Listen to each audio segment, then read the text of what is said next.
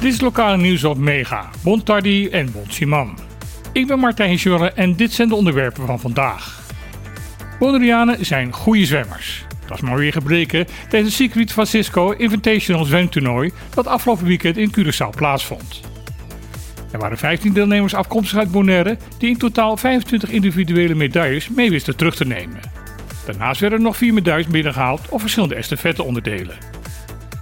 Daarbovenop wisten veel Bonaireaanse barracuda's persoonlijke records te verbreken.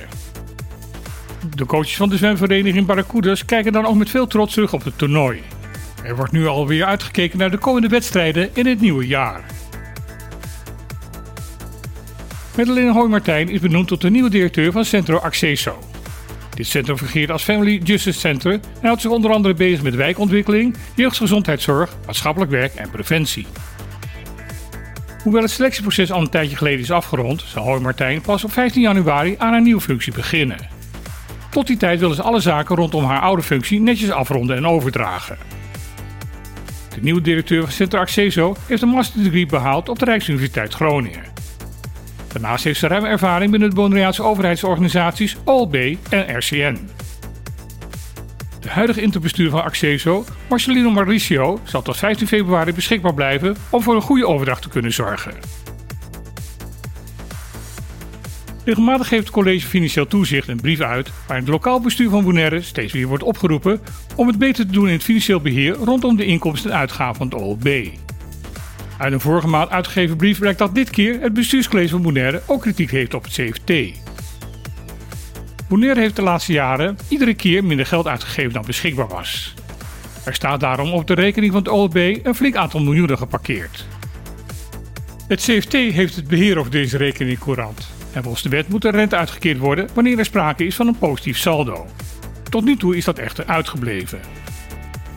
Het vorige bestuurscollege blijkt al eerder dit jaar het CFT erop attent te hebben gemaakt dat de achterstallige rente is opgelopen tot 1,8 miljoen. Men wil dat graag zo snel mogelijk ontvangen. Het CFT zegt onderzoeken op welke wijze dit mogelijk gemaakt kan worden. Het bestuurscollege heeft ondertussen de druk opgevoerd door de verlangde 1,8 miljoen al op te nemen in de begroting van volgend jaar. Het antwoord van het CFT is voorspelbaar. De rentevergoeding is nog niet officieel toegekend, dus het mag nog niet opgenomen worden in de begroting. Het College Financieel Toezicht heeft ook een reactie gegeven op de ontwikkeling op Sint Eustatius. Daaruit kan opgemaakt worden dat er op het eiland nog steeds niet sprake is van een soepel begrotingsbeleid. Uit de brief van het CFT blijkt dat men vindt dat de overheid van Statia te weinig grip heeft op de uitgaven en niet in staat is om tijdig aan te sturen op de beheersing van de lasten. De conclusie van het CFT is daarom dat de manier waarop Sint-Eustatius de lastenraming aanpast niet realistisch is. Dat is opvallend omdat de afgelopen vijf jaar het eiland onder curatele heeft gestaan van de regering in Den Haag. Vrijwel het gehele democratische proces was daarbij uitgeschakeld en alle overheidsuitgaven verliepen via het kantoor van de regeringscommissaris.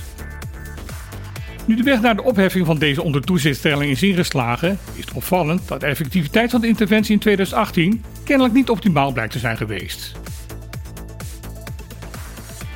Dit was weer de lokale nieuws op Mega. Ik wens iedereen een mooie en goed georganiseerde dag toe. En dan heel graag weer. Tot morgen.